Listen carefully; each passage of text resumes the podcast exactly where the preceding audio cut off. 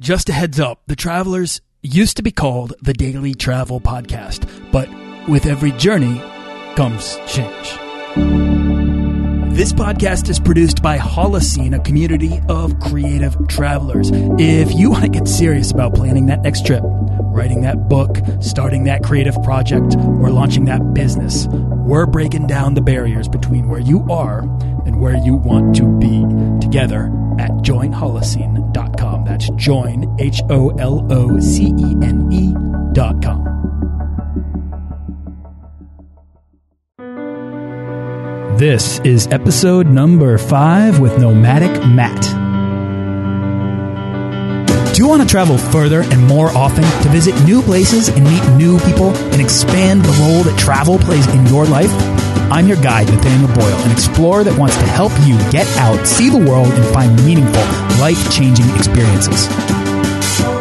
Everyone wants to be adventurous and have great stories. To do the stuff of legend, this is the Daily Travel Podcast. Today's resource of the day is a fairly obvious one. I think it's pretty well known, but it's couchsurfing.com. And I'm bringing this one to the table because it's not just a place to stay for free. It's yes, you can go and stay with somebody for free and you can vet who they are and they can vet you so that everybody's kind of feeling safe and good. But the fact is you get to experience somebody's home. Oftentimes they're your friend while you're staying with them. It really can open up greater access to the culture of the destination that you're visiting. So check it out, Couchsurfing.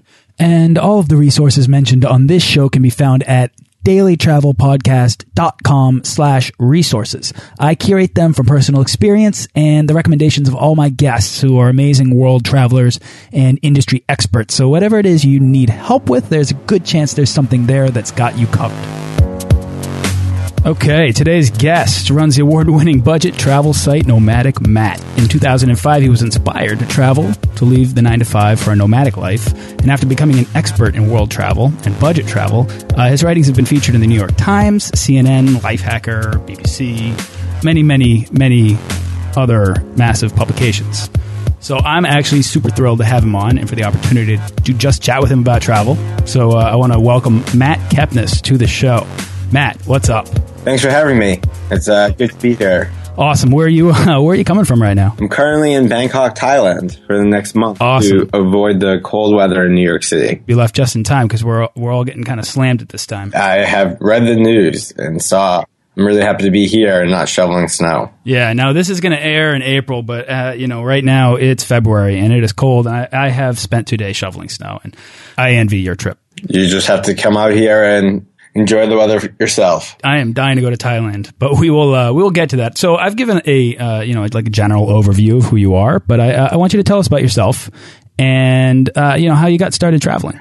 I went on my first trip when I was 23. I went to Costa Rica for a two week vacation and sort of got hooked there, got the travel bug. And then all I could think about was travel. The following year, I went to Thailand on another vacation where I met five backpackers who inspired me to quit my job and travel the world. And that was in 2006. And that was 2014. And here I am now. I've basically been traveling nonstop since then. So it's been pretty much eight years of just nonstop travel for you. Been eight years? Wow. That has been eight years. this is year eight. Isn't that weird? Crazy. That's crazy. You're gonna have to have a 10 year reunion coming up. Invite all the people I've met over the years. Some big party. there you go. It's not a bad idea actually. It'll be a lot of fun. So you you were working the nine to five, and then you kind of uh, got the travel bug, which I think anybody, probably a lot of people listening to this show, and I certainly, I totally know what you're talking about. Once you once you get hooked, you start hungering for more. Your curiosity needs to be satisfied. Your your uh, your sense of adventure needs to be satisfied. Was there a point in your travels, kind of early on, that you knew which you'd never stop traveling? Maybe an experience or something that happened that you might be able to specifically point to that convinced you that you would never stop traveling or you would become a traveler. There are many instances. It just sort of happened that I just never stopped. Every time I'd say, this is the end, I'm going to settle down, I decide that actually there's still lots of places I want to see and I'd be back out on the road within a few weeks. Um, the original intention was never to be a permanent nomad. I just wanted to go overseas for about a year, year and a half before I got a normal office job and went back to work. But, you know, way leads to way and it just kept on going. I mean, I live in New York now, but even then, I mean, that's a stretching of the word live in because I'm probably on the road more than I am there. So you started traveling first and then you started the website. Was it the website that kind of propelled you to continue traveling or was it just kind of like a, a, uh, uh, like a travel log for you? Originally, it was just a way for me to become a freelance travel writer. The, the intention was never to do what I do now. It was always a means to an end. You know, I had hoped that I would be able to freelance, write guidebooks, etc. So the website was really meant to be an online resume, not a travel resource. And then it just kind of grew into what it is today. And that has allowed me to stay on the road because now I'm a published author and I, you know, have books for sale and people buy the books and that supports me going from destination to destination. That can provide more tips and it's a giant circle of life. So your uh, your audience has motivated you as much as your drive, your like personal drive to travel. Yes, that's kind of cool. What do you get out of travel? Like, what is it about travel that satisfies you? There are many things. It's not really one thing. I like the sense of adventure. I like meeting other people. I like seeing new things, learning about the world, the history, seeing how we all fit in, the food. It's really a combination of everything. I guess if I had to pick one thing I like a lot, it's the lack of a routine. It's never boring because every day is changing. I think that resonates probably with a lot of people. I know that for myself, I I have a very hard time with routine, and I like to change it up as much as possible. And in fact, when I go and travel, I'm more inspired to work on the road and be creative on the road, uh, much more so than I'm when I'm at home and I'm just going through kind of the same old routine. Yeah. I want to talk to you right now about where you're at at the moment, which is Thailand. If I'm not mistaken, I think Thailand's kind of a special place to you. Am I right? Yeah, it's the first place I lived overseas. It's the start of my path down to being a nomad. I love this country. And you're going to host a, uh, you're hosting like a trip over there, right? Yeah, it begins tomorrow. So did you customize the itinerary yourself? Yeah, I created it. It's sort of my highlight tour. Is it based on your personal experience or is it, uh, at all things that, you know, you've always dreamed or you think are kind of ideal? Or I'm just curious how this, how that works. Uh, it's based on my experience and what I think is a good primer for people who have never been to the country before. Uh, we get the cities, we get the jungles, we get the beaches. What's Thailand the Matt Kepnes way? Lots of beaches um, and lots of food. Lots of food, actually. I would say, you know, if you're coming here and you want to go up north, um, I think everyone should visit the middle of Thailand. You get a sense of rural Thailand, the old capitals, Lopburi, that kind, that area. Chiang Mai is a great city, and you know, beaches. You know, I mean, those are sort of the big things that people come here for.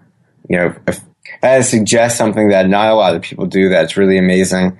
I would say visit Khao Yai National Park, which is about five hours north of Bangkok. Why does that stand out? It's just a beautiful national jungle park. It's awesome. And you can wander through and there's wildlife? Wild, there's some wild elephants there you might see, but I mean, it's just it's great hiking and gives you sort of a sense of the jungly tropical nature of the country. All right, so let's take a step back then. And you focused on food, and I think food is a huge part of travel. I mean, I, I know I travel largely motivated by what country's cuisine I want to try out. What's one thing in Thailand that you can't wait to have every time you go? Pork noodle soup. It's a pork noodle soup. It's a street food um, that you can't get anywhere else. I mean, you can get Thai soups in restaurants, but the way they make this with the broth and the red pork is pretty much impossible. I've never, in all my years of searching for it, have found it outside of Thailand. It's a street food. It's pretty much the first thing I eat, and then it's about the only thing I eat for about 10 days. and then I finally branch out after I got my full. I probably have it at least once a day. I'll definitely have it for lunch. That's, that sounds amazing. Do you uh, do you run into among your audience? Do you run into a lot of resistance towards street food? No, I think most people are willing to try it. I mean, most people are, if they're new travelers, nervous and they want to know that they're not going to, you know, get sick or die. But I mean, I've gotten sick from it. But you can get sick from restaurant food. Yeah, absolutely. In fact, I think I can't name a time in which I've been sick from street food, but I could name a few times in which I've gotten sick off restaurant food. I mean, in many ways, street food is better because the turnover is so high. You know, there's no food lockers, you know, and freezers to store food. everything is used that day. And it's riskier, I think. It's riskier for the uh, chefs because their livelihood depends on it. I think a lot, much more, especially in uh, in countries like Thailand. Yeah, if there's a bad street vendor, he's not going to last long. We're at the point of the show now where we boil down kind of the how and the why of travel into pragmatic advice. So it's a bit of a lightning round and it's kind of fun. So I'm going to hit you with a bunch of questions. Whatever your answers are, I'm sure they're going to be brilliant. So uh, are you ready? Sure. All right, here we go. So for a lot of people, Matt, taking that first step out of the door can be the hardest part of travel. So what's your advice for anyone dreaming to take that first step to becoming a world traveler? Just do it. That's it. You know, the hardest part is stepping out the front door. One thing that eased my fear was knowing that if 18 year old, you know, backpackers from around the world went through, I could do it too. All right. So the biggest hurdle for most people who want to travel more is cost. So do you have a secret money saving tip or travel hack? Use credit cards um, and sign up bonuses to get free flights and hotel rooms. Use responsibly. I mean, don't spend more than you can afford, but having a travel rewards credit card is a great way to get free travel. I'm currently in the W Bangkok for the next week, and it cost me all of zero dollars because I used my points that I've accumulated through what is known as travel hacking. Absolutely, and you have a uh, you've written a, a book on this, correct? Yes, I do have a ebook that people can buy through my website called "The Ultimate Guide to Travel Hacking." Yeah, awesome. And uh, so, what's uh, and I know that this is conditional. I'm, I'm pretty familiar with travel hacking myself, but what's the one card in your wallet that you find is indispensable? For me, it's the Starwood card because I love Starwood points, and you can transfer them to airlines. It's either that one or the Chase Sapphire Preferred card because it has no foreign transaction fees. So I use it all around the world. Yeah, that's hugely valuable. Once you get one of those, it stays in your wallet. All right. There are so many flight search tools out there, Matt. What's your process for finding the cheapest airfare? My process for finding the cheapest airfare, I start off with Momondo.com and then move to Skyscanner.net. Uh, I search about four or five different websites and sort of to see what the price is. Not all search engines are the same, so you definitely don't want to stick to one or two. You want to try to get some US based ones, some international ones. That way you'll get a feel for globally what people are pricing out that flight for. Because, you know, a US company might price it out at $1,000, but some booking site based out of Italy might price it out in, you know, 600 euros, but when you convert it, the money, it's only like 800 bucks. So by searching those big international versions of kayak, you can really get a better sense of price. Yeah, that's a great tip, Matt. That's that's actually a tip I picked up from you. I want to say years ago. It was it was a it's just a good one. I remember I remember the first time I used it. I was like, boom, hundreds of dollars saved right off the bat, easy. All right, so packing is easily my least favorite part of travel. Do you have any advice to help people pack better? Packing is a very personalized thing. The one rule is just pack light. I mean, this is what everyone says, right? Oh, you know, pack light. Pack light. Take one bag. That's it. Take one bag and fit everything in there. And if you can't fit everything in there, trim it down. But in terms of what you should or should not pack, everybody has their own list. You know, I mean, I have my list and people are like, what? No hat? And I don't wear a hat. No sunscreen? Mm? No sunglasses? People are like, oh, you bring jeans? I bring khakis. You should try them. They're more lightweight. Everyone has their own thing. But if you just stick to the one bag pack light policy, you can't go wrong. Completely agree. Completely agree. Do you have a uh, favorite internet travel tool or resource? I would say that you know, Couchsurfing is a good option because they have tons of groups and meetups, so you can get someone to take you around. Viable um, is a site that allows locals to run like personalized tours. So like you could be the expert in Mexican food and you can run just like a Mexican food tour and I give you like 20 bucks and you can take me around to all these hot spots. Foursquare is good because you can see what's hot in your area and that's usually what's hot based on local recommendations. Foursquare as a travel tool is a good, actually, that's a good tip, Matt, because I don't think a lot of people, I think people think about Foursquare in their home cities, you know, and they don't, Yeah. it's not, I don't think it's one of the ones that comes to mind when they're uh, thinking about travel planning. Yeah, but you can use it on the road. I mean, in some places it's more popular than others. You know, I, I just opened it up right here in Bangkok and there's a few places that come up. I mean, it's really great to use in Europe. Do you have a favorite travel book or book that inspires your travels? Uh, Vagabonding was an influential book on my my part. Uh, that's by Rolf Potts. Um, it's sort of a good quick book about the nature of long term travel. You know, whereas my book, uh, How to Travel the World on fifty dollars a day, is very like nuts and bolts.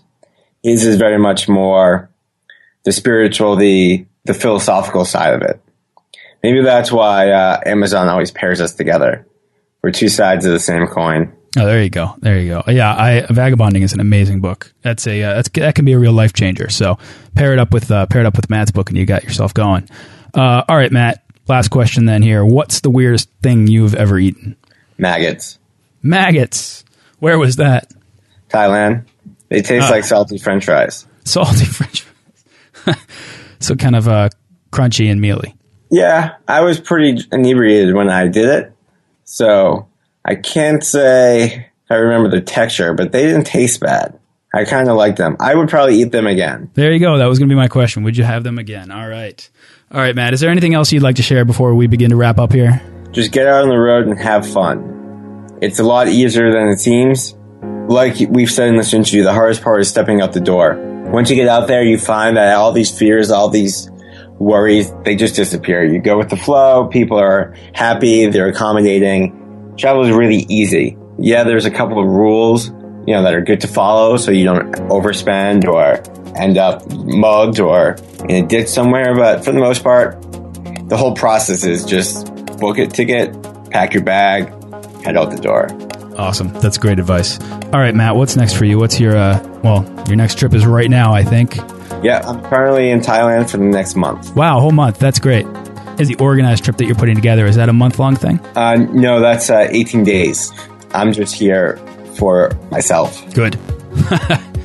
we all need that. This is my home away from home, so I love it. That's important. It's important, I think, to, to find those places that you can you can keep going back to, just to kind of reset yourself, just to kind of find yourself again, or to feel kind of alone, get back in touch with yourself. exactly. This is my home away from home, and it's good to be back. Awesome, Matt. So, where can people go to find out more about you? My website is nomadicmatt.com. My Twitter is nomadicmatt.com. My Facebook is nomadicmatt.com. I'm just nomadic Matt all over the place. It's good. You've you've, So- you've got it all. When when in doubt, just Google nomadic Matt, and there you go. You'll find it everywhere. Yeah, nomadicmatt.com is a ridiculously good resource for travel information, travel intelligence, uh, helping you save money and uh, you know really just get out there and see the world. So, uh, Matt, again, thanks so much for coming on the show. Thank you for taking time out of your vacation to do so. Uh, I hope you have a ridiculously great time in Thailand. Thank you. Thank you. Good luck on your next trip. Hopefully, it will be somewhere warm where you don't have to shovel snow. Oh man, that is the plan. That is the plan. All right, take it easy. Take it easy. Bye. Thanks for listening to this episode of the Daily Travel Podcast. For show notes and links to everything in this episode and more, head on over to dailytravelpodcast.com. Join our Facebook page of explorers and subscribe to our newsletter for the best deals and resources to help make your next trip life changing.